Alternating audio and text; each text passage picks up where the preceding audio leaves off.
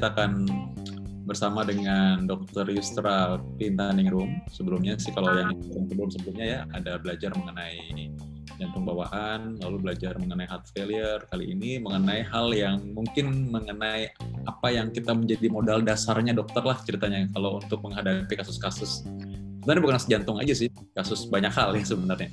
Secara standar kan masih pasti EKG ada ya, dan kita perlu sekali sebagai dokter umum dokter yang memeriksa pasien entah di UGD entah di pemeriksaan klinik itu membaca menginterpretasikan EKG. Nah, tapi EKG itu kan banyak sekali sebenarnya prinsip-prinsipnya dan EKG itu nggak bisa dalam waktu dekat, singkat.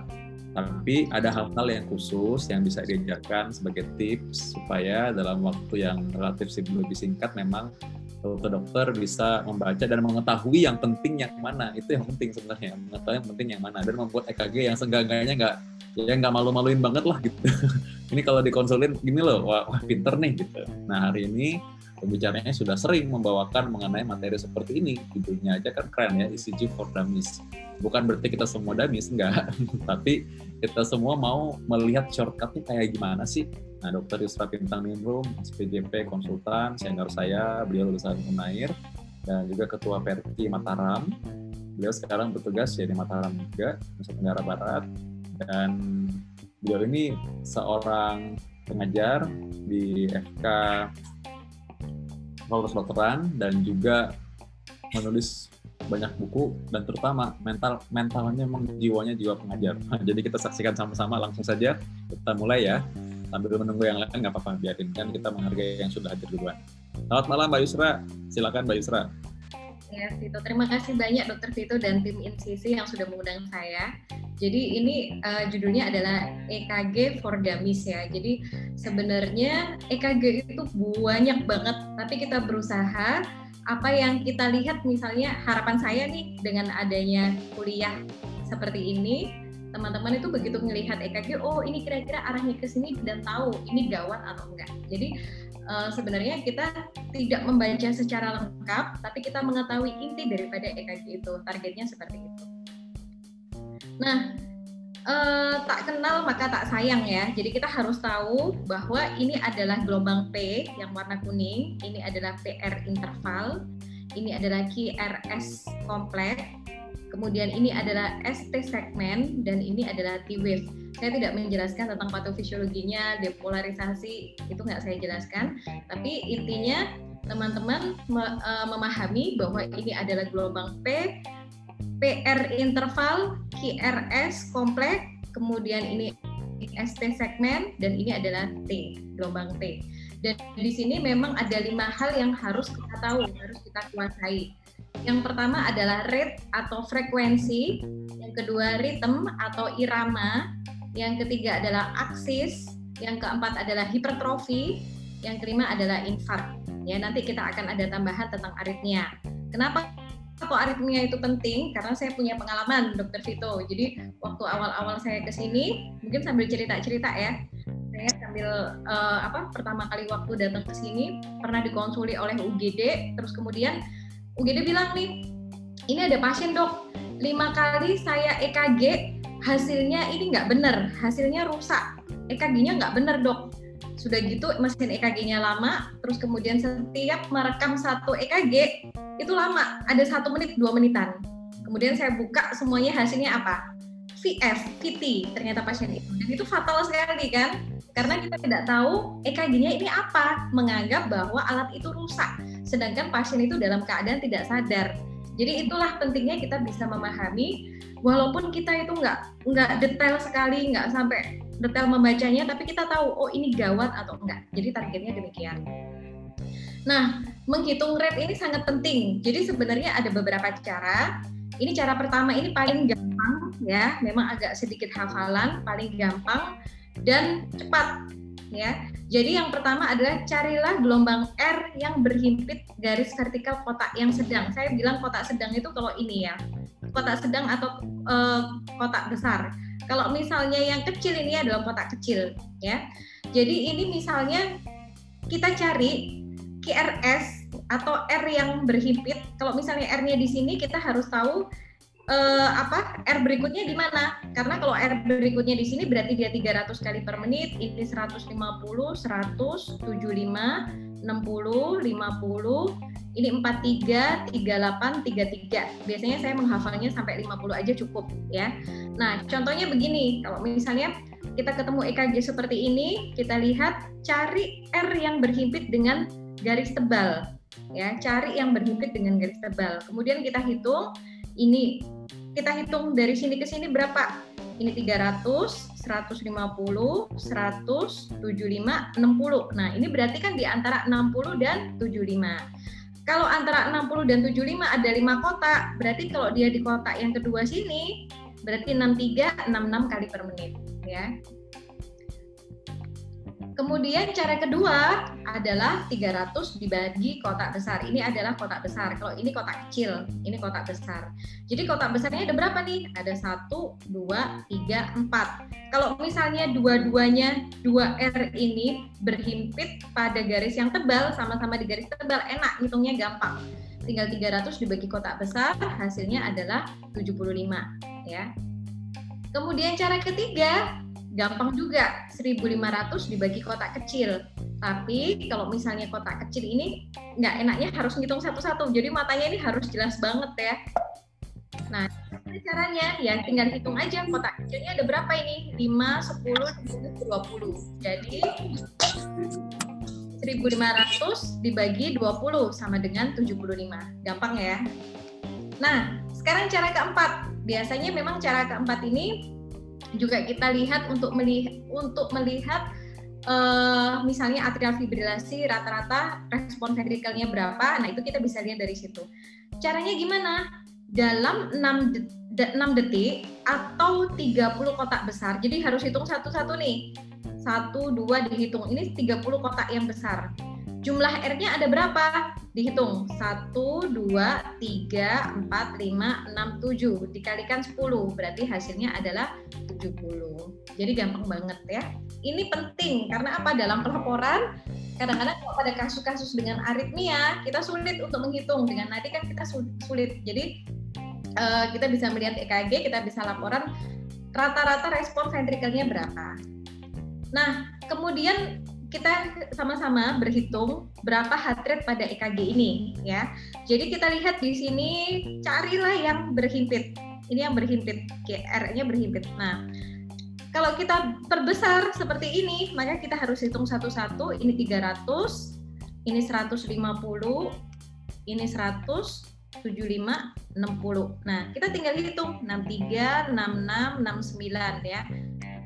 69 kali per menit ya gampang banget ya. Nah, kalau misalnya kita mau pakai cara yang keempat tadi, kita hitung dalam 30 kotak yang besar, jumlah R-nya dihitung 1, 2, 3, 4, 5, 6, 7. Jadi 7 dikalikan 10. Jumlah R di dalam 30 kotak yang besar dikalikan 10 sama dengan 70. Sama ya, ini 69, 70 nggak ada masalah, sama aja. Oke, sekarang tentang irama atau ritme. Nah, kita harus tahu irama sinus yang normal itu ada gelombang P diikuti oleh QRS ya. Dan impuls dari nodus SA 60 sampai 100 kali per menit. Itu irama sinus yang normal. Dikatakan takikardi, sinus takikardi tentunya pasti ada gelombang P diikuti QRS ya. Dan dikatakan uh, takikardi apabila lebih dari 100 kali per menit. Kemudian dikatakan bradikardi kalau kurang dari 60 kali per menit. Jadi kalau kita lihat dari sini ya, kita mau hitung bareng-bareng nih. Uh, kita ya ini ya, ini berapa ini rate-nya? 300, 150, 175 antara 75 dengan 100 berarti kan dalam satu kotak kecil 55 tuh. Jadi 80 85 kali per menit. Irama sinus 85 kali per menit. Nah, sedangkan yang bawah sini kita coba yang cari yang berhimpit. Yang berhimpit sini kan 300, 150, 100. Di antara di antara dengan 150 maaf ya, saya ulangi lagi ya 300, 150, 100. Di antara 100 dengan 150 itu kalau dari, satu kotak kecil berarti 10 10 ya. berarti di sini adalah 130 kali per menit. Di atas 100 kali per menit itu kita menamakan sinus takikardi 130 kali per menit. Kemudian yang di bawah sini adalah sinus bradikardi. Biasanya kalau hafalan saya cukup 300, 150, 175, 60, 50. Nah, kalau di sini berarti antara 50 dengan 60 ini dua kotak dua kotak ya. Kalau di sini berarti 52 kali per menit. Di bawah 60 adalah bradikardi. Oke. Nah, kita tahu ada yang namanya sinus aritmia. Jadi kita tahu bahwa sinus node itu rate-nya normalnya dia 60 sampai 100 kali per menit. Kalau dia impulsnya dari AV junction, rate-nya antara 40 sampai 60 kali per menit. Kalau dari ventricle, dia 15 sampai 40 kali per menit. Itu yang harus kita pahami. Ini adalah sinus aritmia, tanda-tandanya apa? Ada P, gelombang P diikuti QRS, itu adalah irama sinus ya. Kemudian QRS-nya sempit, iramanya irregular. Ya, jadi kalau kita mau menentukan iramanya ini apa? Sinus atau bukan sinus? Bukan sinus itu irregular ya biasanya. Kalau kita lihat dari sini, ini ada gelombang P berarti iramanya sinus, tapi dia irregular, berarti dia adalah sinus aritmia. Sinus aritmia ini bukan tidak selalu abnormal, bisa jadi normal pada anak-anak atau usia remaja. Kenapa? Karena berkaitan dengan inspirasi dan ekspirasi, jadi tidak ada masalah. Kemudian ini adalah irama junctional. Jadi irama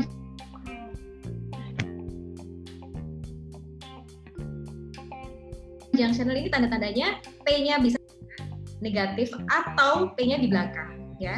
Dan normalnya kalau dia dari impuls AV junction frekuensinya antara 40 sampai 60 kali per menit. Jadi kalau kita lihat dari sini ini berapa kali nih? 300, 150, 175, 60, 50 ya kalau kalau di bawahnya sini ya kurang dari 50 sedikit lah. Berarti cocok dia irama junctional 50 kali per menit. Oke, sekarang kita bicara tentang aksis. Sebenarnya aksis ini ada dua, aksis frontal dan aksis horizontal ya, tapi kita cukup aksis frontal dulu. Nah, di bidang frontal kita harus tahu eh, satu satu ini dia 0 derajat, AVF ini 90 derajat. Jadi kita harus tahu letaknya nih. 1 0 derajat, AVL min 30 derajat, AVF positif 90 derajat. Sedangkan uh, 3 positif 120 derajat. Sebenarnya kita nggak usah mikir itu sebenarnya ya. Kalau misalnya dia di area min 30 sampai plus 90 itu berarti dia adalah normal kalau dia min 30 sampai min 90 itu adalah left axis deviation atau kalau di buku-buku bahasa Indonesia itu deviasi aksis ke kiri ya. Kemudian eh, kalau dari plus 90 sampai plus 180 itu right axis deviation. Nah, gimana sih cara lihatnya? Kalau kita mau melihat, itu carilah yang tegak lurus. Jadi contohnya, 1 dan AVF. Ini tegak lurus ya, tegak lurus yang 90 derajat.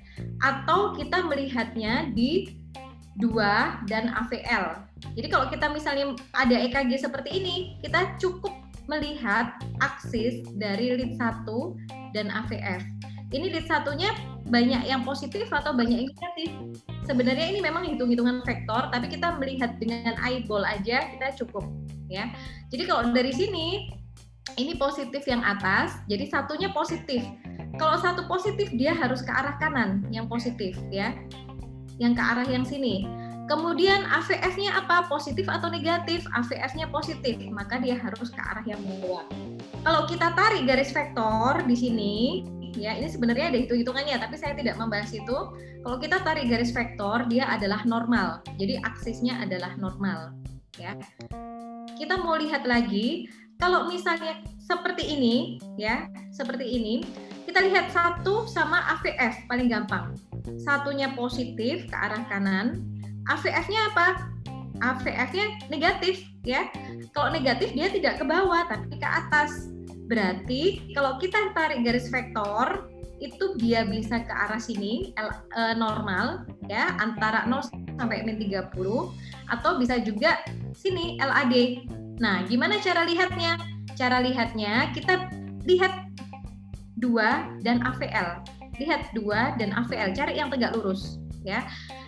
Kita lihat duanya apa ini? Duanya banyak yang negatif. Berarti duanya negatif ke arah sana kan?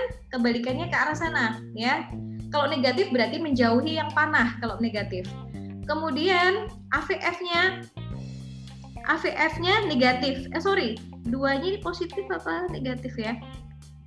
Duanya negatif ya. Kemudian AVL-nya dua sama AVL ya yang kita lihat ya. AVL-nya positif. AVL positif tuh berarti ke sini, duanya negatif berarti ke sini. Berarti kira-kira aksisnya adalah di sini ya. Aksisnya adalah LAD. Saya ulang lagi ya. Saya ulang lagi. Kalau kita misalnya melihat seperti ini, kita lihat lead 1 dan AVF. Satunya positif, berarti dia arahnya ke sini. Kemudian kita lihat AVF negatif, berarti satu positif ke sini, AVF-nya ke atas. Kemungkinan besar dia bisa di area normal yang hijau atau area yang merah LAD. Nah, bagaimana cara lihatnya? Kita cek dengan dua dan AVL kita lihat duanya apa? Duanya negatif.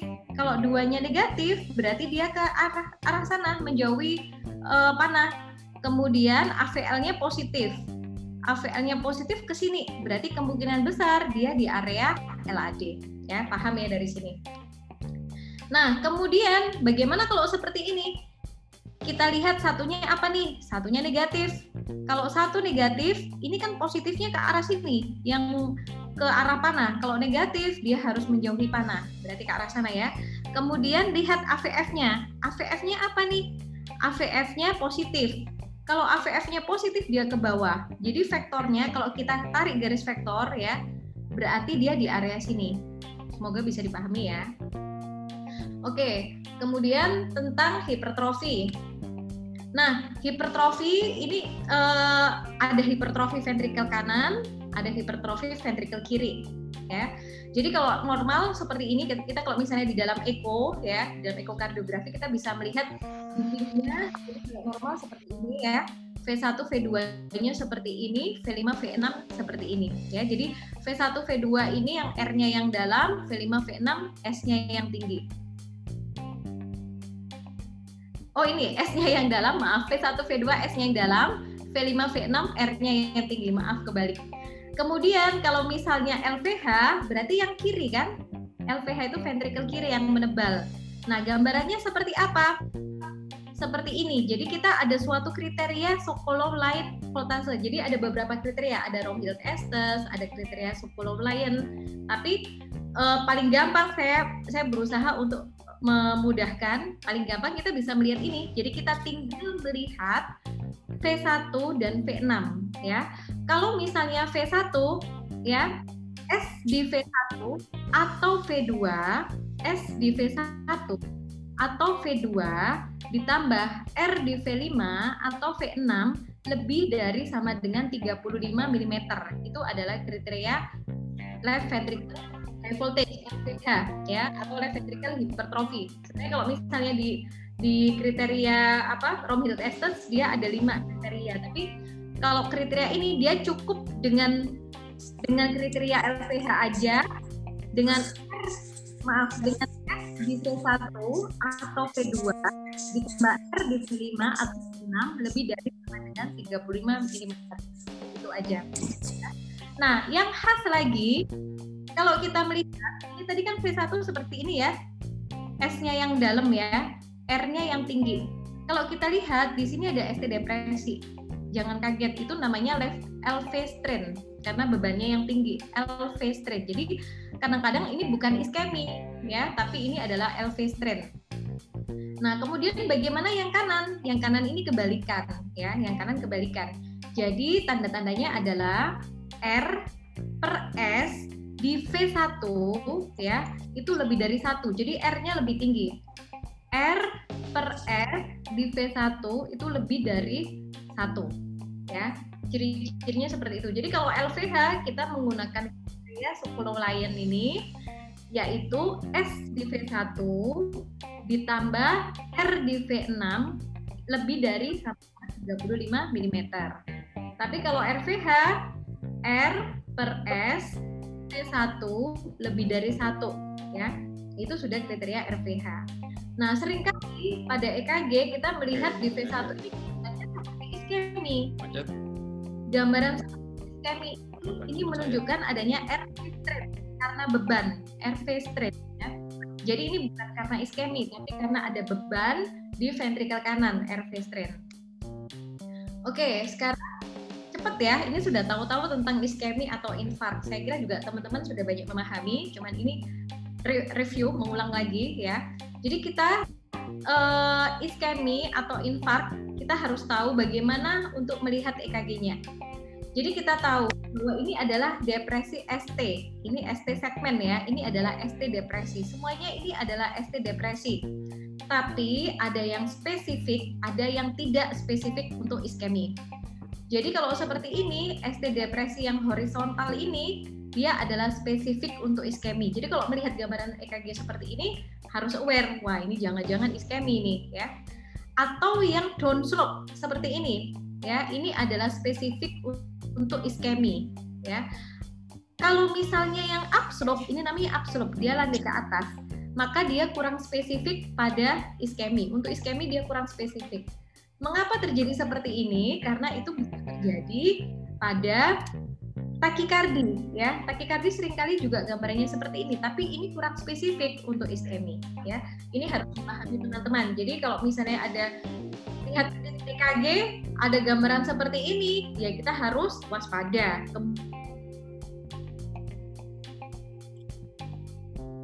Ya. Kemungkinan besar itu adalah gelombang T. Jadi di gelombang T itu kita bisa lihat kalau seperti U, gambarannya seperti U, landai gini ya, seperti U, ini kurang spesifik untuk iskemi. Tapi kalau seperti V itu dia atau lancip ya, dia spesifik untuk ini. Memahami juga. Nah, kemudian iskemi juga bisa digambarkan dengan U. Tapi sulit U ini untuk dilihat gelombang itu agak sulit. Jadi kita cukup aware dengan gambaran yang seperti ini, ya. Nah, kemudian bagaimana dengan infark, infark atau injury, ya? Jadi kita bisa lihat ST elevasi seperti ini. Ya ini ST elevasi yang cembung ke atas ini adalah spesifik untuk injury ya, injury epikat. Jadi STEMI gambaran ST elevasi miokard infark itu gambarannya seperti ini. Tapi kalau gambarnya cekung ke atas, ini tidak spesifik, harus hati-hati ya. Apalagi kalau misalnya teman-teman melihat EKG, gambarannya ke atas dan hampir semua lead, maka ya jangan-jangan itu bukan STEMI, tapi itu adalah perikarditis bisa jadi seperti itu bisa juga ST elevasi dalam ya jadi gambar satu kali ini adalah injury subendokard. Tapi kalau seperti ini gambarannya, kemungkinan itu adalah non STEMI ya. Tapi kalau kita seperti ini, ini adalah gambaran STEMI atau ST elevasi miokard infarct ya. Dan gambaran yang non STEMI ini biasanya dia injurinya subendokard. Oke, tadi sudah iskemi, iskemi tadi digambarkan dengan depresi ST, inversi T ya. Uh, kalau misalnya pada injury digambarkan dengan ST elevasi, kalau nekrosis digambarkan dengan gelombang patologis atau Q wave ya. Nah, bagaimana cara melihatnya? Q wave itu ini ya. Ini digambarkan adalah jaringan yang sakit, jaringan yang nekrosis Sedangkan yang R ini ini R ya, yang atas ini R, yang bawah ini Q. Q ini menunjukkan jaringan yang sakit, R ini menunjukkan jaringan yang sehat. Jadi kalau kita mau menulis harusnya ini adalah Q-nya kecil, R-nya besar. Artinya apa? Jaringan yang sehat masih banyak dibandingkan jaringan yang sakit, ya. Jadi kalau seperti ini, ini tetap kita bilang ini adalah gambaran old myocard infarct atau infark myocard yang lama. Nah, bagaimana dengan ini sama ada uh, apa gambaran OMI old myocard infarct ya. Jadi ini adalah key patologis. Ini menunjukkan bahwa gambaran yang sakit lebih banyak dibandingkan gambaran yang sehat. Ini R-nya ini kecil, berarti gambarannya sehat tinggal sedikit. Jadi kalau kita lihat EKG ini, EKG ini bisa bercerita sebenarnya ya. Dari EKG kita bisa memandang ke dalam apa sih sebenarnya isi jantung dari pasien ini ya. Nah, kemudian kalau seperti ini, ini R-nya udah nggak ada sama sekali. Ini apa? dia sudah nekrosis keseluruhan atau transmural, dia sudah nekrosis. Tidak ada jaringan yang sehat sama sekali kalau menurut EKG ya. Nah, kita bisa mulai bagaimana sih kalau kita kadang-kadang gambar seperti ini, ini bingung ini beneran Q-wave atau enggak. Nah, tanda-tandanya bisa dengan melihat kalau dia lebarnya lebih dari sama dengan 0,04 detik atau lebih dari satu kotak dan dalamnya seperempat daripada R ini dibandingkan ini seperempatnya berarti itu kemungkinan besar adalah Q patologis ya. Nah, kemudian untuk area saya ingin untuk area ini, area infark ini tidak menghafalkan tapi benar-benar bisa dipahami karena kalau menghafal gampang lupa dipahami sekali kita bisa memahami itu namanya ya. Jadi kalau kita memasang EKG, teman-teman harus tahu bahwa ini memasang EKG V1, V2, V3, V4 ya. Jadi V1 di ICS 4 parasternal line dextra, V2 ICS 4 parasternal line sinistra, kemudian V3 di antara V2 dan V4, V4 klavikula ya di ICS 5 mid klavikula, V5 di anterior aksila sejajar dengan V4, V6 di mid aksila sejajar juga dengan V4 dan V5. Kita gampang aja untuk melihat. Kalau kita lihat gambaran seperti ini, jantung kita di sebelah kiri kan, V1 sampai V4 ini adalah anteroseptal ya. V4 sampai V6 ini adalah anterolateral ya. V1 sampai V6 ini adalah anterior, kan semuanya kena ya, jadi dipahami.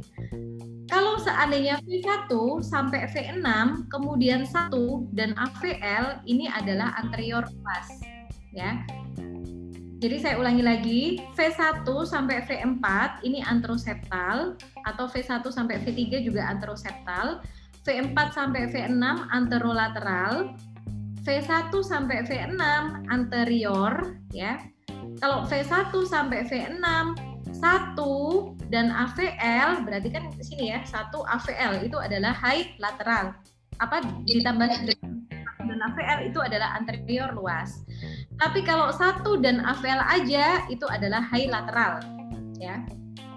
Kemudian kalau misalnya 2, 3 AVF, bayangkan ini di bawah semua, berarti adalah inferior. Ya, jadi saya tidak ingin menghafalkan, tapi saya ingin teman-teman sambil membayangkan pada saat memasang strip EKG. Ya. Nah, kalau seandainya, jadi ini ini semua untuk menilai baik iskemi, baik omi, baik STEMI ya, STEMI, uh, iskemi, STEMI, kemudian omi itu bisa dinilai dari uh, melihat segmen ini semuanya. Kalau misalnya teman-teman ketemu STEMI inferior ya, kalau ketemu gambaran ST elevasi di 2 3 AVF, maka harus ngecek EKG right ventricle, ventricle kanan. Bagaimana cara ngeceknya? Tinggal dibalik. Kalau tadi kita memasang EKG V1, V2, V3, V4, V5, V6, ini kebalikannya V1 di sini ya ICS 4 parasternal lens, V2 ICS 4 parasternal line dextra, IC, uh, V3R, V3R itu di antara V2 dengan V4 dan sebagainya. Jadi sama aja tapi dibalik ke arah kanan. Jangan lupa pada saat menulis EKG, kertas EKG itu harus ditulis V1R, V2R, V3R, V4R, V5R, V6R tidak perlu ditulis EKG dibalik, nggak perlu seperti itu. Cukup ditulis V1R, V2R, V3R dan sebagainya. Itu sudah paham semuanya, ya. Nah, nanti kalau misalnya ada ST elevasi, misalnya di V2R sampai V4R, berarti itu adalah STEMI right ventricle ya. Tapi ingat untuk STEMI ini, untuk right ventricle ini kita tidak bisa melihat iskemi, tidak bisa melihat OMI, hanya bisa melihat STEMI ya, hanya bisa melihat ST elevasi. Nah, kemudian kalau ada infark inferior atau semi inferior, maka kita juga harus menilai V7, V8, V9 ya. V7, V8, V9. Caranya gimana? Leadnya kan cuma 6. Nah, kita ambil lead yang di sini, yang di depan. Kita pasang di sini V7. V7 di mana? Dia sejajar dengan V6. Di di posterior aksila sejajar dengan V6 V8 di mana? Dia di mid scapula, sejajar juga dengan V6. V9 di mana? Dia di paravertebra, dan sejajar dengan V7 dan V8. Jadi kalau misalnya ada elevasi di V7, V8, V9, maka itu adalah STEMI posterior. Nah, bayangkan kalau di belakang dia posterior, maka resiprokal, resiprokal itu depannya. Maka di V1, V2, V3 dia akan ada ST depresi. Ya, jadi ingat pada STEMI posterior itu dia bisa kelihatan adanya ST elevasi di V7, V8, V9 atau adanya ST depresi di V1, V2, V3. Ya, mudah-mudahan bisa dipahami ya. Oke, sekarang aritmia. Mudah-mudahan nggak kecepatan dokter Vito ya. Jadi sebenarnya gimana yang lain? Aman nggak nih? Ah, sebelum nginjak ke aritmia ini. Ya, ini dulu kali. Ah, oke okay, oke, okay. sebelum aritmia, ya. gimana gimana? mungkin apa ada yang mau nanya mengenai apa? Misalkan um, aman? Aman aman. Jelas sekali katanya. Oke deh. Benar ya yang lain? Oke okay, yang lain oke. Okay, sudah diwakili nggak? Nggak apa-apa loh. Maksudnya kalaupun belum aman nggak apa-apa juga kan siapa tahu ada memang yang belum jelas kan jadi nggak usah nggak usah malu sama yang lain nggak apa-apa saya juga dulu waktu pas belajar belajar ya sama ini apa tadi rumput zaman kita malahan sekarang anak-anak sekarang lebih pintar dibandingkan zaman-zaman dulu ya. Yeah. Ya. Uh, sekarang untuk SKDI harus bisa membaca EKG, harus bisa, harus tahu apa yang Benar tadi aman. Coba dilihat. Ya, apalagi ya. sekarang ada internet gambaran STEMI seperti apa ya. Dan memang EKG itu adalah kebiasaan membaca jadi kalau misalnya teman-teman tidak pernah membaca, itu wajar kalau misalnya bingung, apalagi jarang menemukan EKG, jarang membaca EKG itu wajar. Jadi kalau misalnya SPJP terus lihat EKG ya memang bacaannya setiap hari baca EKG jadi ya itu itu wajar kalau langsung tahu oh ini STEMI ini STEMI ini itu wajar jadi kalau misalnya teman-teman ya diharapkan begitu ketemu EKG atau pasien kalau bisa di EKG di, dilihat satu persatu ini ada masalah apa enggak normal atau enggak bagaimana ya kalau aman, kita lanjut gimana? Oke, lanjut aja yuk. Oke, kita lanjut ya. Sekarang aritmia. Oke, sebentar, sebentar. Nah, jadi aritmia itu dibagi dua ya, supraventrikuler dan ventrikuler. Kalau kita bicara tentang supraventrikuler, pasti QRS-nya sempit. Ingat-ingat, kalau supraventrikuler pasti QRS-nya sempit. Kalau ventrikuler pasti QRS-nya lebar. Kalau supra pasti sempit. Nah, kita bisa lihat takikardi kalau misalnya ada puls. Kalau takikardi tidak ada puls ya, kemungkinannya dua. Eh kemungkinannya tiga. Kalau tidak ada puls ya. Eh kemungkinannya empat. Sorry. Jadi kalau misalnya tidak ada puls bisa jadi VF, bisa jadi VT pulseless, bisa jadi PEA, bisa jadi asik. Jadi ada empat itu adalah suatu kegawatan kalau teman-teman melihat pasien ya takikardi tanpa tapi itu tidak kita bahas. Nah, sekarang kita membahas kalau misalnya kita ketemu pasien dengan takikardi, kita harus lihat QRS-nya gimana. Kalau QRS-nya sempit, pasti dia di supraventrikuler. Kalau QRS-nya lebar, pasti dia ventrikuler. Titik. Nah, kemudian QRS kompleks, kita lihat reguler atau irreguler. Ya. Kalau misalnya reguler, ya bisa macam-macam. Kita bisa lihat apakah ada gelombang P atau tidak. Kalau ada gelombang P, kemungkinan besar bisa sinus takikardi, bisa atrial prematur beat ya, bisa juga supraventrikular takikardi juga bisa, atrial flutter juga bisa dan sebagainya ya. Kalau misalnya tidak ada, bisa AVNRT dan sebagainya. Ya. Kemudian untuk VE, untuk ventrikuler ya, kita bisa lihat reguler atau irreguler. Kalau misalnya dia reguler, bisa jadi dia VT ya atau SVT dengan aberan. SVT dengan aberan ini gambarannya mirip dengan VT tapi memang ada ciri khas tersendiri yang tidak kita bahas. Kalau irreguler bisa juga AF dengan aberan juga bisa ya. Mungkin kita langsung melihat EKG-nya biar lebih memudahkan ya. Sekarang kita bahas tentang aritmia supraventrikuler. Jadi kalau kita bicara tentang supraventrikuler berarti QRS-nya sempit titik ya. Nah, jadi uh, kita bisa melihat kalau kita ada gambaran EKG ya, kemudian ini adalah gambaran tiba-tiba di tengah-tengah ada fokus ektopik ya. Ini kemungkinannya kemungkinan besar dan ini KRS-nya sempit, kemungkinan besar adalah PAC ya, kemungkinan besar adalah PAC. Nah, jadi kalau seperti ini ciri khasnya ya, kalau misalnya ada ada ekstrasistol, kita bisa lihat gampangannya KRS-nya sempit atau lebar.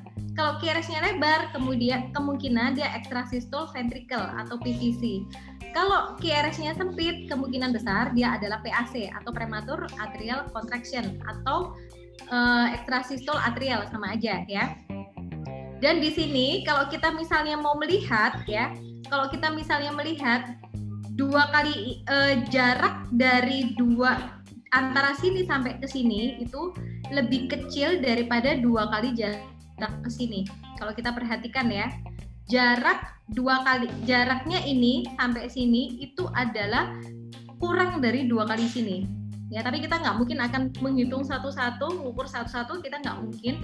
Jadi gampangannya kalau misalnya kita ketemu ekstrasistol dan itu KRX-nya sempit, kita harus berpikir, oh kemungkinan besar adalah ekstrasistol atrial, ya. Nah, kemudian ini adalah atrial flutter atrial flutter. Jadi atrial flutter ini gambarannya adalah seperti gergaji. Adakah gelombang P? Ada. Apakah dia bisa reguler? Bisa. KRS-nya bisa reguler. Bisa irreguler nggak? Bisa juga irreguler ya. Jadi kalau seperti ini, ini adalah gelombang P. P-nya banyak banget dan P-nya masih bagus-bagus. P, P, P, P. Kalau kita kita bicara seperti ini, ini adalah irama atrial flutter ya dengan respon ventrikel ini 300, 150, 100, 75, 60. Berarti kalau seperti ini berarti sekitar 72 kali per menit ya dengan konduksi AV 4 dibanding 1 gitu cara membacanya seperti itu ya dan ingat-ingat kalau ada seperti ini seperti gergaji ini sawtooth ya kemudian ini adalah gambaran atrial fibrilasi ciri khasnya apa P-nya ada nggak? Ada. Ini adalah P, ya. Tapi P-nya nggak jelas. P-nya banyak banget. Fokus ektopiknya banyak banget, nggak jelas. Jadi satu, P-nya tidak jelas. Dua, QRS-nya sempit, ya. QRS-nya sempit. Ketiga, jarak antara R ke R-nya tidak teratur. Jadi ada tiga ciri khas daripada atrial fibrilasi. Satu, P-nya nggak jelas, ya, bentuknya nggak bagus, nggak jelas Dua, QRS-nya sempit. Ketiga, jarak antara R ke R-nya tidak teratur. Ya. Oke, sekarang tetap banget hati-hati ya kayak kayak jadi mirip atrial supraventrikular supraventrikular yeah. kalau misalkan dia terlalu cepat kadang-kadang orang terjebak itu tuh dokter Yusra mungkin perlu dikasih tips juga. AF itu ada fine fine AF ya. Jadi AF yang halus gelombang P-nya halus. Ada coarse AF jadi yang gelombang P-nya kasar. Jadi kalau gelombang P-nya kasar seperti ini ya ini coarse AF kadang-kadang itu seperti kayak ada lurus gini loh nah itu adalah fine AF jadi halus seperti itu Nah, ini kita sering kali kesulitan, kalau cepet banget kita kesulitan kadang-kadang ya. Sebenarnya kita bisa pakai kertas, ya dokter Vito kita pakai kertas, kertas biasa aja. Terus kita lihat uh, apa namanya, kita kasih titik-titik di QRS-nya, di, di R-nya, kita kasih thread-thread, ya. Terus kemudian kita geser, ini benar apa enggak? Sama apa enggak? Digeser ke samping. Paham nggak maksud saya? Jadi kita buat kertas ya, kita kan kita lihat EKG gini ya, terus kita pakai kertas kosong, kemudian kita kasih titik-titik di R-nya, kita kasih titik-titik-titik di R-nya ya sampai sebanyak-banyaknya. Terus kita geser ke samping. Jadi titik kita ke digeser ke R yang ke sampingnya. Kalau misalnya dia bergeser tidak sama persis, ya kemungkinan besar dia adalah AF. Tapi kalau misalnya dia tepat, kemungkinan besar adalah SVT. Jadi SVT itu memang R-nya eh, apa jarak antara R ke R-nya dia teratur. SVT itu ciri khasnya seperti itu, ya. Oke. Kemudian ini, nah ini adalah gambaran SVT. Jadi SVT ini memang sering kali tidak ada atau tidak atau di belakang ya atau terbalik. Kalau ini kita nggak melihat gelombang P ya, jadi ini kita bisa menamakan supraventricular tachycardia. Terus sering kali ini mungkin ada tambahan juga ya. Jadi untuk membedakan dengan AF kadang-kadang SVT itu cepat lebih cepat sih di atas 150 kali per menit. Tapi AF juga bisa seperti itu juga. Jadi kadang-kadang juga agak sulit. Tapi kalau misalnya yang lama-lama uh, apa namanya yang sudah sering melihat mungkin akan lebih jeli dan memang kadang-kadang kalau memang sudah kesulitannya tingkat tinggi kalau kita mau memang, memang uh, mau menilai itu benar-benar AF atau SVT ya mungkin perlu elektrofisiologi. Oke, sekarang kita menginjak aritmia ventrikuler. Oh ya, mungkin ada satu lagi, Dokter Vito ya. Jadi kalau misalnya untuk membedakan lagi itu SVT atau AF, ya kita bisa kalau memang benar-benar sulit ya dari EKG uh, dengan vagal manuver harusnya kalau SVT dia kembali ke irama normal, harusnya demikian. Kemudian uh, aritmia ventrikuler. Ingat kalau kita bicara tentang aritmia ventrikuler berarti QRS-nya adalah lebar ya. Ini QRS-nya lebar seperti ini dan jaraknya antara P, uh, P yang normal itu dua kalinya sama dengan jarak antara ini ke sini. Itu khasnya seperti itu. Dan ada QRS kompleks yang lebar, ya. Oke. Nah, kalau kita misalnya melihat EKG yang atas seperti ini, ini ada QRS kok macam-macam ya. QRS-nya kok beda-beda. Ini namanya multifocal PVC.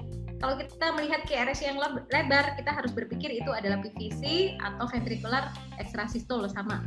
Kalau misalnya gambarannya dia berbeda, ya berarti dia ada di, di dua titik fokus ektopik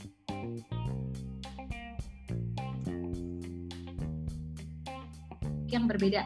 Maka kita bisa bilang misalnya kita lihat PVC-nya jejer berdua, gini ya, berdua. Ini adalah PVC yang kuplet. Tapi kalau sudah tiga atau lebih, itu kita bisa bilang run of VT, ya run of VT. Itu berarti ini sudah mulai VT, ini sudah hati-hati, ya.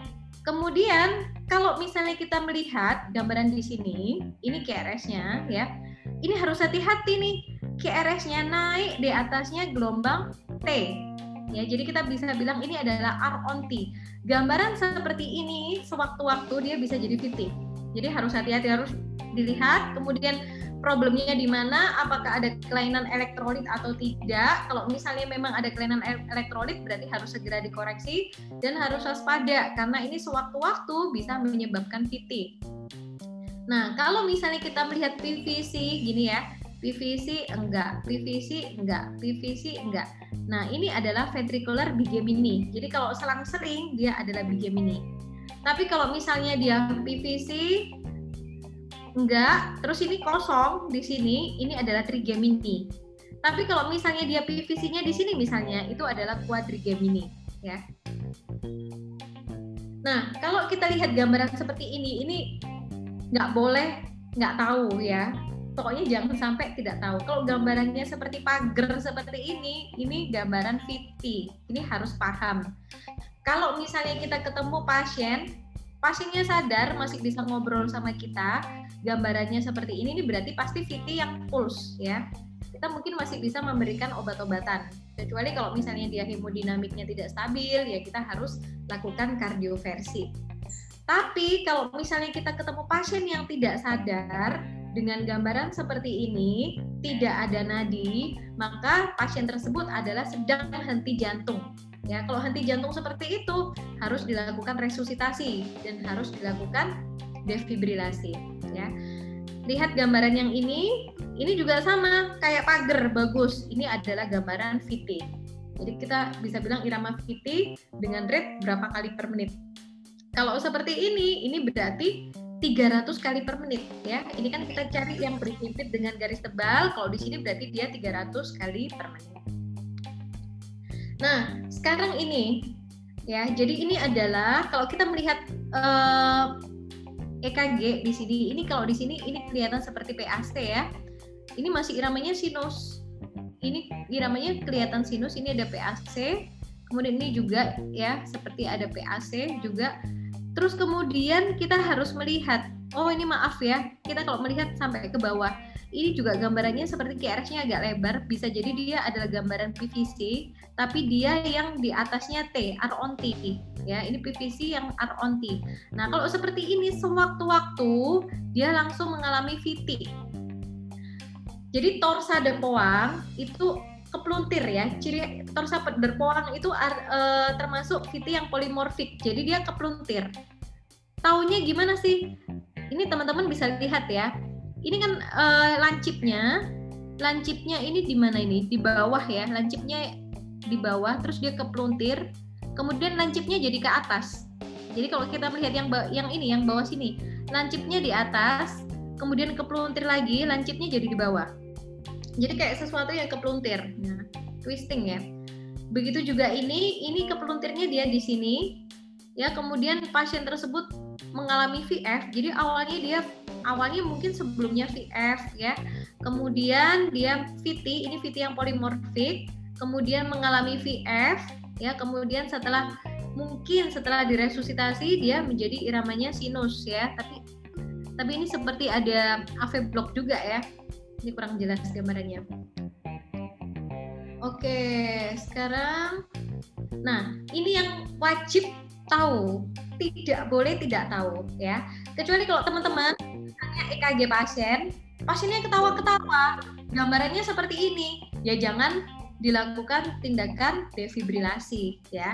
Tapi kalau misalnya pasiennya tidak sadar kemudian uh, tidak ada nadi, pasien tidak sadar, gambarannya seperti ini, VF ya, ini kayak rumput VF, maka langsung lakukan resusitasi ya, segera lakukan defibrilasi ya. Nah, ini juga sama VF ya. Cuman ini memang uh, eh, VF ini kadang-kadang ya seperti rumput itu. Makanya itu tadi kalau misalnya pasiennya tenang-tenang ketawa-ketawa seperti ini ya bisa jadi alatnya yang problem. Tapi kalau pasiennya sudah tidak sadar harus aware.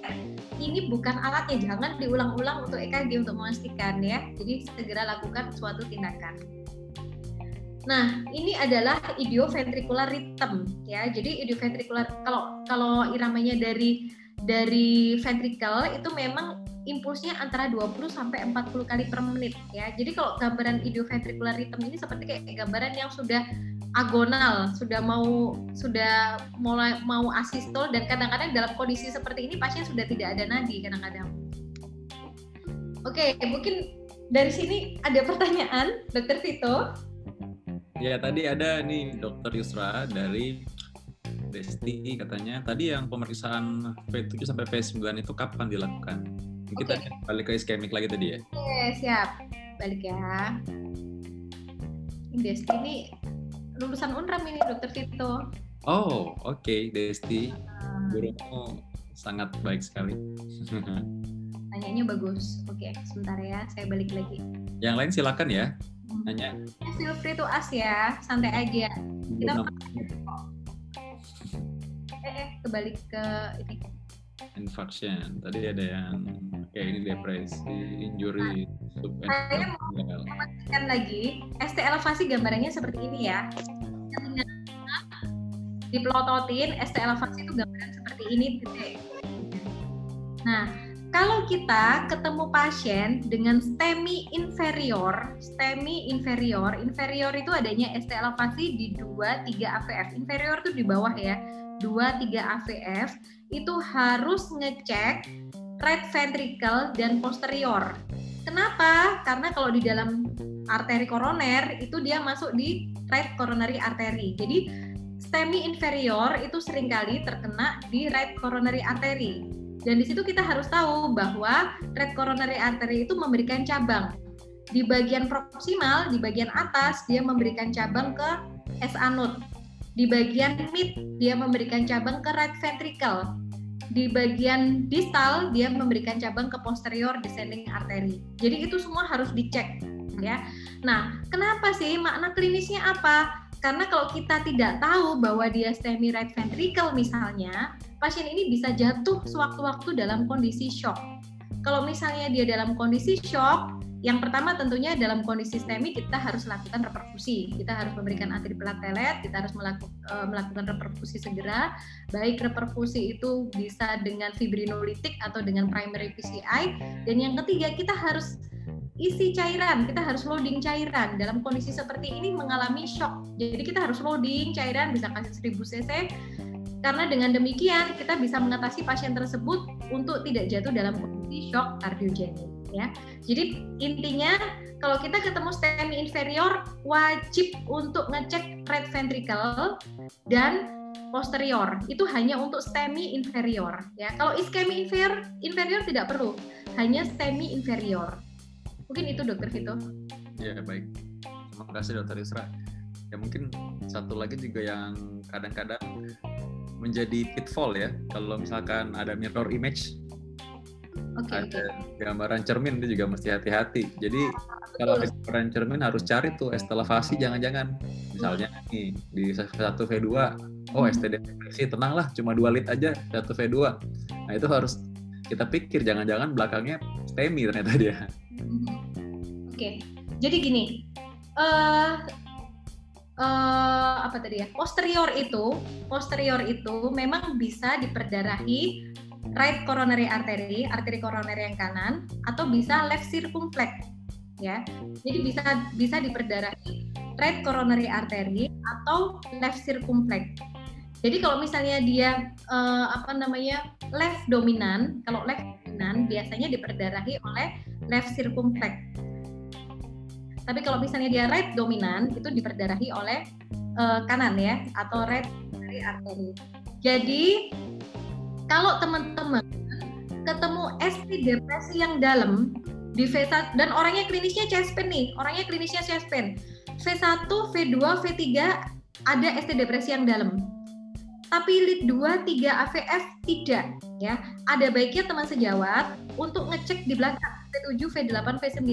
Cek apakah ada ST elevasi atau tidak.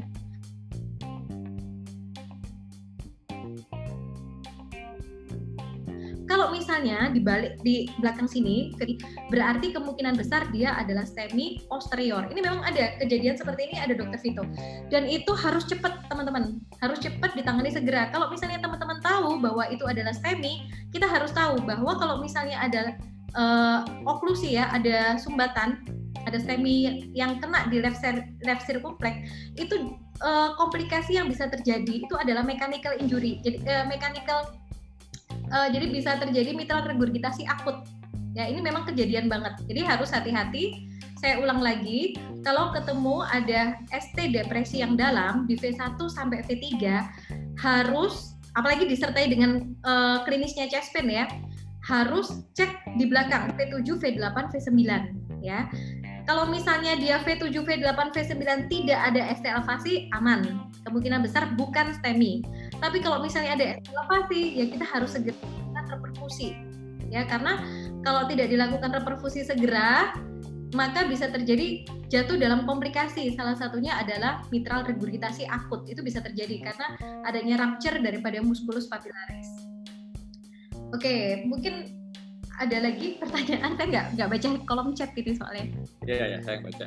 Tadi udah dibaca sih tadi yang tadi ya. Mungkin terus aja tadi mungkin bahayanya ruptur muskulus papillaris itu kan fatal sekali sebenarnya karena bikin orang nggak sempat berubah struktur hmm. jantungnya. Jadi karena ruptur tadi jadi mitral regurgitasi akut dan itu kalau pernah lihat pasiennya ya itu muntah darah langsung nggak lama meninggal itu. Jadi bayangkan pembacaan EKG ini penting sekali memang karena itu sangat sangat amat krusial tuh. Begitu tahu seperti itu kan memang wah ini harus tahu nih sangat amat emergensi. Mungkin saja malah itu langsung tiba-tiba kita harus konsul bagian bedah ya walaupun bedah sito juga memang akan sulit dalam hal seperti itu. Tapi artinya minimal secara prosedur kita laksanakan kan. Artinya Anda sebagai dokter di UGD sudah melakukan apa yang apa yang benar dan apa yang paling bagus gitu, apa yang paling baik lah untuk pasien kita. Ya. Jadi mungkin kalau orang mata ya, mata adalah jendela hati ya. Kalau kita EKG jendela hati ya. Ya, jendela. Jendelanya jantung. Jendela jantung ya. Jadi dari EKG itu sebenarnya kita bisa memprediksi nih.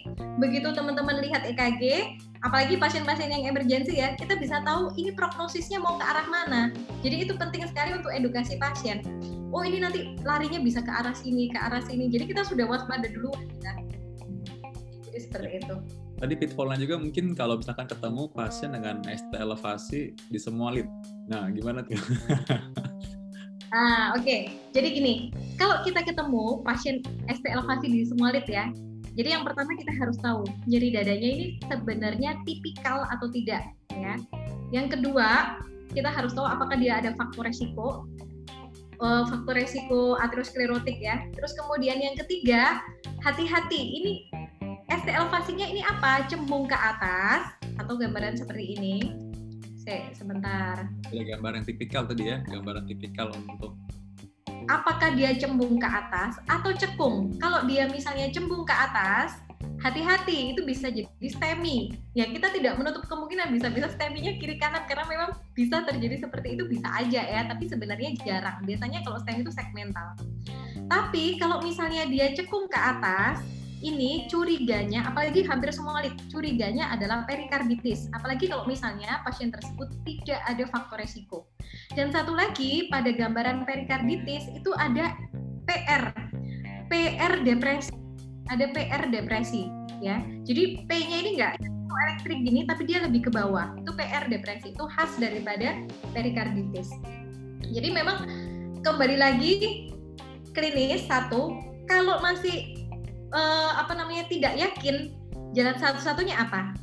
Angiografi koroner. Apalagi kalau misalnya pasien tersebut dalam kondisi akut. Itu kalau memang jalan terakhir di mana kita tidak bisa benar-benar sudah bingung, yaitu jalan satu-satu tapi kita juga bisa melihat dengan uh, enzim jantung ya. Kita harus tahu di dalam enzim jantung itu kita harus tahu uh, apa namanya CKMB troponin 2 3 jam pertama dia naik, kemudian puncak 24 jam, kalau CKMB turunnya 72 jam, kalau troponin turunnya sampai 14 hari ya.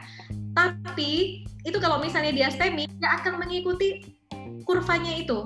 Tapi kalau dia perikarditis, dia bisa-bisa tinggi terus walaupun dia sudah hari ketujuh CKMB-nya tetap naik itu bisa terjadi mungkin itu dokter Vito. Ya, jadi tadi dokter Lisa tadi sudah meng-highlight adanya faktor klinis dan juga evolusi ya. STEMI itu harus ada evolusi biasanya. Sekali. EKG jangan cuma sekali, dua kali, tiga kali kita bisa ulang. Karena mau lihat serialnya itu ada evolusi apa tidak. Jadi ada perjalanan natural history-nya STEMI itu gimana. Harusnya muncul patologis, muncul T inversi nantinya jadi ada evolusinya. Salah satu bukti bahwa ini memang STEMI. Dan yang tadi klinis juga dulu pernah ada pengalaman unik juga. Jadi pasien waktu itu dia terinfeksi HIV ya. Jadi gambar STEMI semua lid. Nah begitu lihat pasiennya biasa-biasa aja orangnya, diam aja. Terus nyeri pak, iya agak katanya. Tapi ya biasa aja gitu. Tanya sama pasiennya gimana tekanan darah semua hemodinamik semua stabil lah. Ini udah berapa lama begini? Tadi udah tiga jam katanya. Oh ya udah lo lihat-lihat nggak ada tanda-tanda ronki nggak ada nadi nggak cepet orang yang nggak ada sesek ya baik-baik aja. Logikanya nih kalau misalkan seburuk-buruknya nih ada orang infark seluruh lid gitu ya harusnya dia udah gagal jantung berat mestinya dalam hal gitu kita salah satunya juga klinis kita sesuaikan juga kan ya. Satukan juga dengan kan ada yang standar tuh ada yang kita kalau dulu tahu apa namanya dengan probability ACS ya. Lihat juga pasien ini gimana. Tadi sudah dibahas juga mengenai risiko gimana lalu apakah ada S3 sempat tanda gagal jantung ada apa enggak ronki ada apa enggak. Jadi klinis sangat penting. EKG ini bukan satu-satunya tools tapi dia adalah tools penunjang. Jadi jangan cuma sendirian. Diagnosis EKG beda dengan diagnosis klinis secara keseluruhan ya. Jadi ini sebagai pembantu untuk kita kita membuat diagnosis. Nah, ini ada pertanyaan dokter Yusra dari Nova Uliana katanya mohon izin bertanya dokter ada gambaran NSTAX ya apakah bisa ditemukan gambaran EKG normal dan ST elevasi intermittent dan bagaimana evaluasinya? Oke ini berarti mengenai non persisten ya ST elevation misalnya. Baik bagus ini pertanyaannya nih karena mungkin saja didapatkan. Oke jadi non ST elevasi ACS ya maksudnya ya Ya, non stack atau yang nggak persisten estelvasi kan ada juga yang ini dia tanya dengan estelvasi intermittent mungkin maksudnya non persisten estelvasi kali. Jadi jadi gini, kalau misalnya non S N non non STE ACS itu ada dua ya, bisa unstable angina, bisa non STEMI. Bedanya ini ini jadi anu ya, dokter Tito ya. Jadi nggak ya. cuma kaji ternyata ya. Ya, ya udah. jadi kalau misalnya non STEMI, bedanya apa sih unstable angina dan non STEMI? Kalau unstable angina dia uh, enzim kardiak enzimnya dia normal. Kalau non STEMI kardiak enzimnya naik. Kenapa? Dan non STEMI dia terjadi mikroemboli ya.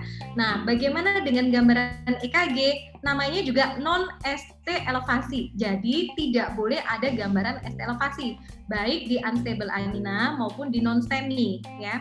Jadi tidak boleh ada gambaran ST elevasi. Gambarannya apa? Ya gambarannya bisa normal, tidak tidak menutup kemungkinan loh bisa normal, bisa ST depresi, bisa T inversi, itu bisa. Atau gambaran OMI itu juga bisa. Pokoknya bukan ST elevasi.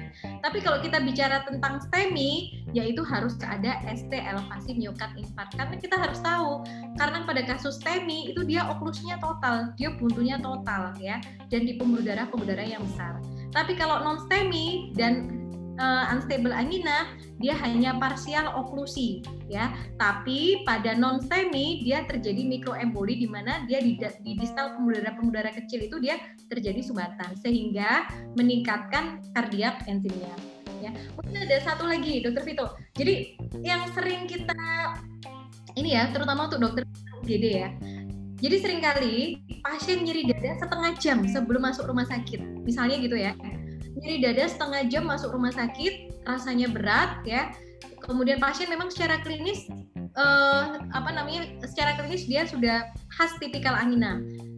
Tapi EKG masih normal. Kemudian dilakukan pemeriksaan enzim jantung masih normal. Nyerinya setengah jam setengah jam satu jam. Nah kalau seperti itu jangan bilang bahwa itu adalah bukan STEMI, jangan. Jadi satu jam kemudian segera lakukan EKG ulang, bandingkan dengan EKG yang pertama. Kadang-kadang memang sudah mulai ada sedikit uh, apa namanya tolti ya, sedikit tolti atau bahkan kadang-kadang normal itu masih bisa terjadi. Tapi kadang-kadang gambaran seperti ini bisa muncul dua jam ya atau uh, dua jam tiga jam kadang-kadang baru muncul gambaran seperti ini. Gambaran satu jam pertama kadang-kadang hanya baru tolti aja. Jadi kita harus benar-benar waspada. Kalau misalnya kita ketemu pasien seperti itu,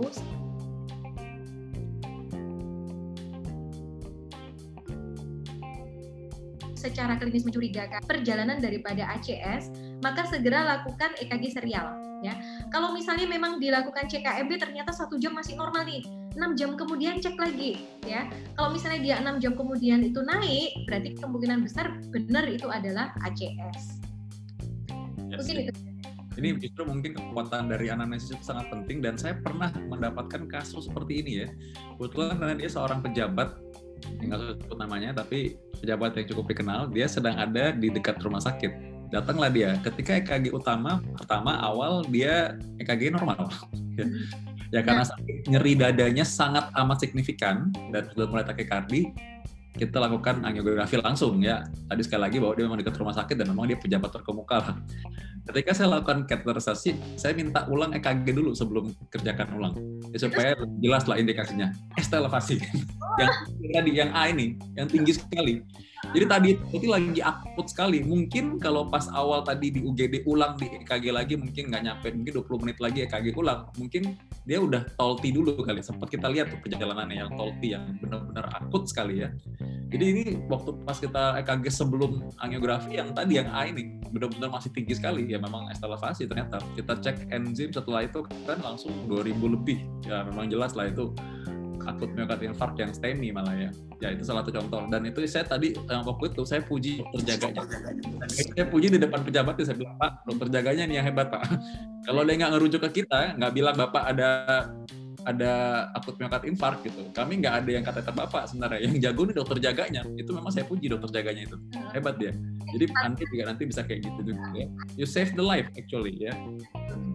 Uh, itu kan mengenai step ya. Kenapa?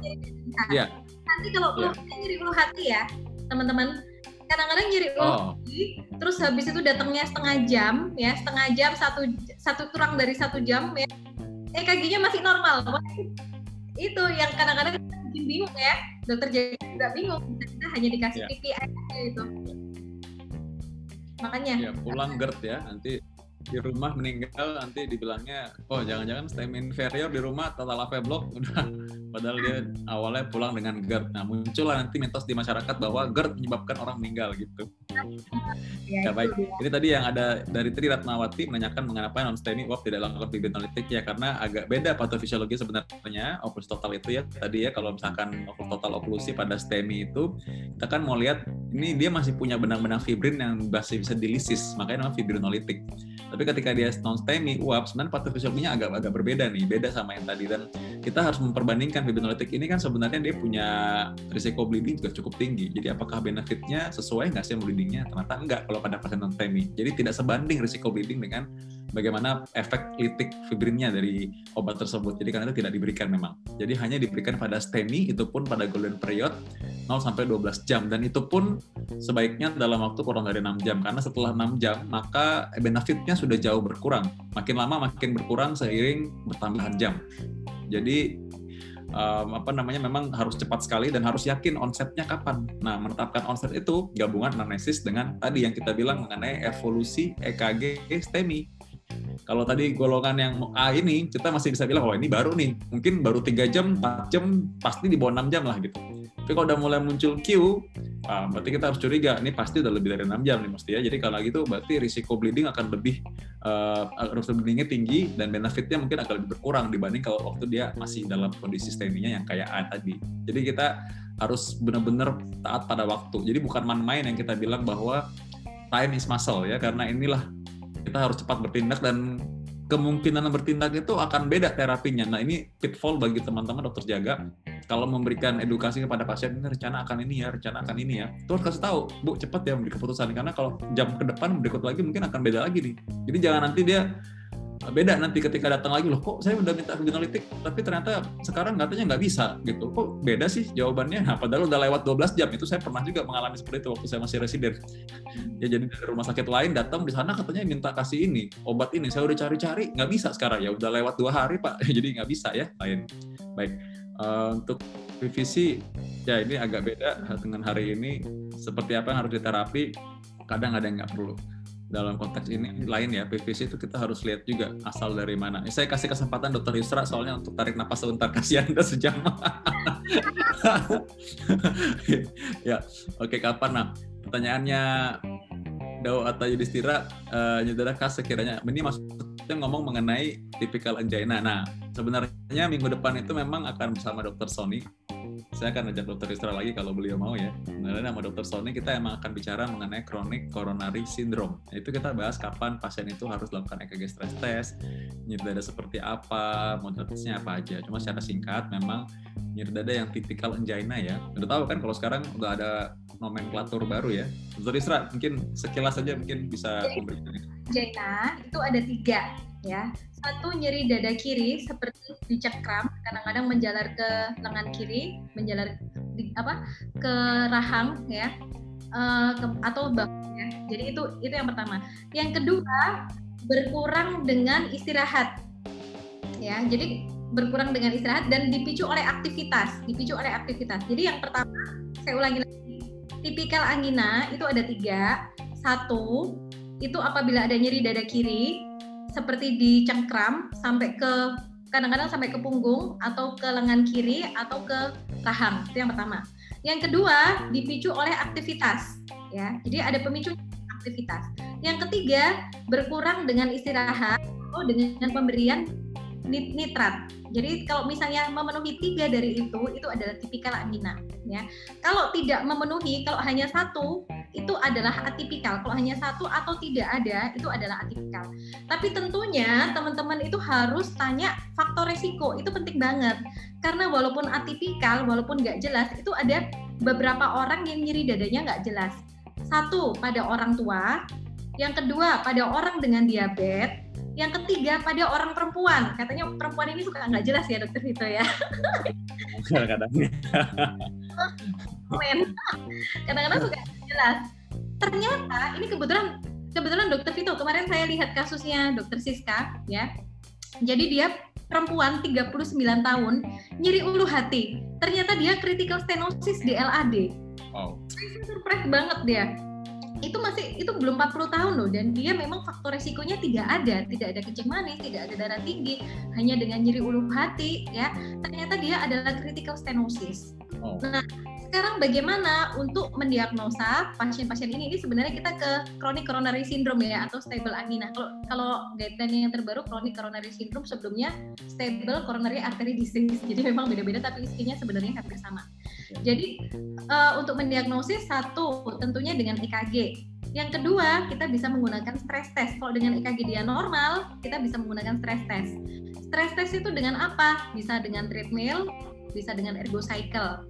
Yang ketiga, kita bisa menggunakan CT scan kardiak. Yang keempat, kita juga bisa menggunakan kardiak MR. Ya, jadi itu adalah uh, suatu uh, apa penunjang yang non invasif yang bisa kita lakukan. Tapi kalau misalnya memang jelas ya uh, apa misalnya apalagi kalau oh ya yang terakhir dengan ekokardiografi dan di dalam guideline apabila di eko IF kurang dari 50% maka sebaiknya dirujuk untuk kateterisasi jantung itu angiografi koroner. Jadi seperti itu. Terima kasih Dokter Isra. Tambahan itu tadi ada pemeriksaan nuklir ya, ada sidik perfusi miokard untuk mengimbangi. Jadi imaging stress test itu tadi sudah disebutkan ada kardiak MRI, bisa bisa pakai PET sebenarnya PET scan, tergantung dari ketersediaan alat di center masing-masing kan. Belum tentu kita tugas semuanya alat lengkap ya. Ada juga pemeriksaan nuklir, sidik perfusi miokard. Tadi juga ada echo yang kita pakai stress test.